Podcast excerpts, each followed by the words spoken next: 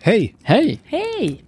Idag ska vi spela in eh, lucka 22. Så där, ja. Yes, yes. Och det ska bli intressant att se vad som finns Ja. bakom den. ja. Nej, men jag, jag tar och öppnar den. Ja, men gör det Petter. Gör det. Och bakom den här luckan så hittar vi Sofia. Hej Sofia! Och nu tänkte jag på eh, eh, Benjamin Wahlgrens låt. Ja, Hej Sofia. Ja, Ja. strunt i det. Det är en annan podd. Eh, och Sofia säger ju då så här. Jag brukar dela in mina pepparkakor som jag bakar i två burkar. Ja. En som jag tar fram när jag ska bjuda gäster. Och en som jag tar fram när jag ska äta. oj. Frågan är vilka är vilka? Hur? Ja. Mm. David säger det här. "Eh, varför har du inte bara allt i en stor burk? Ja.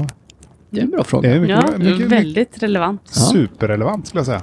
Sofia säger att eh, ja, jag vill ju inte blanda de brända och icke brända pepparkakorna. Mm.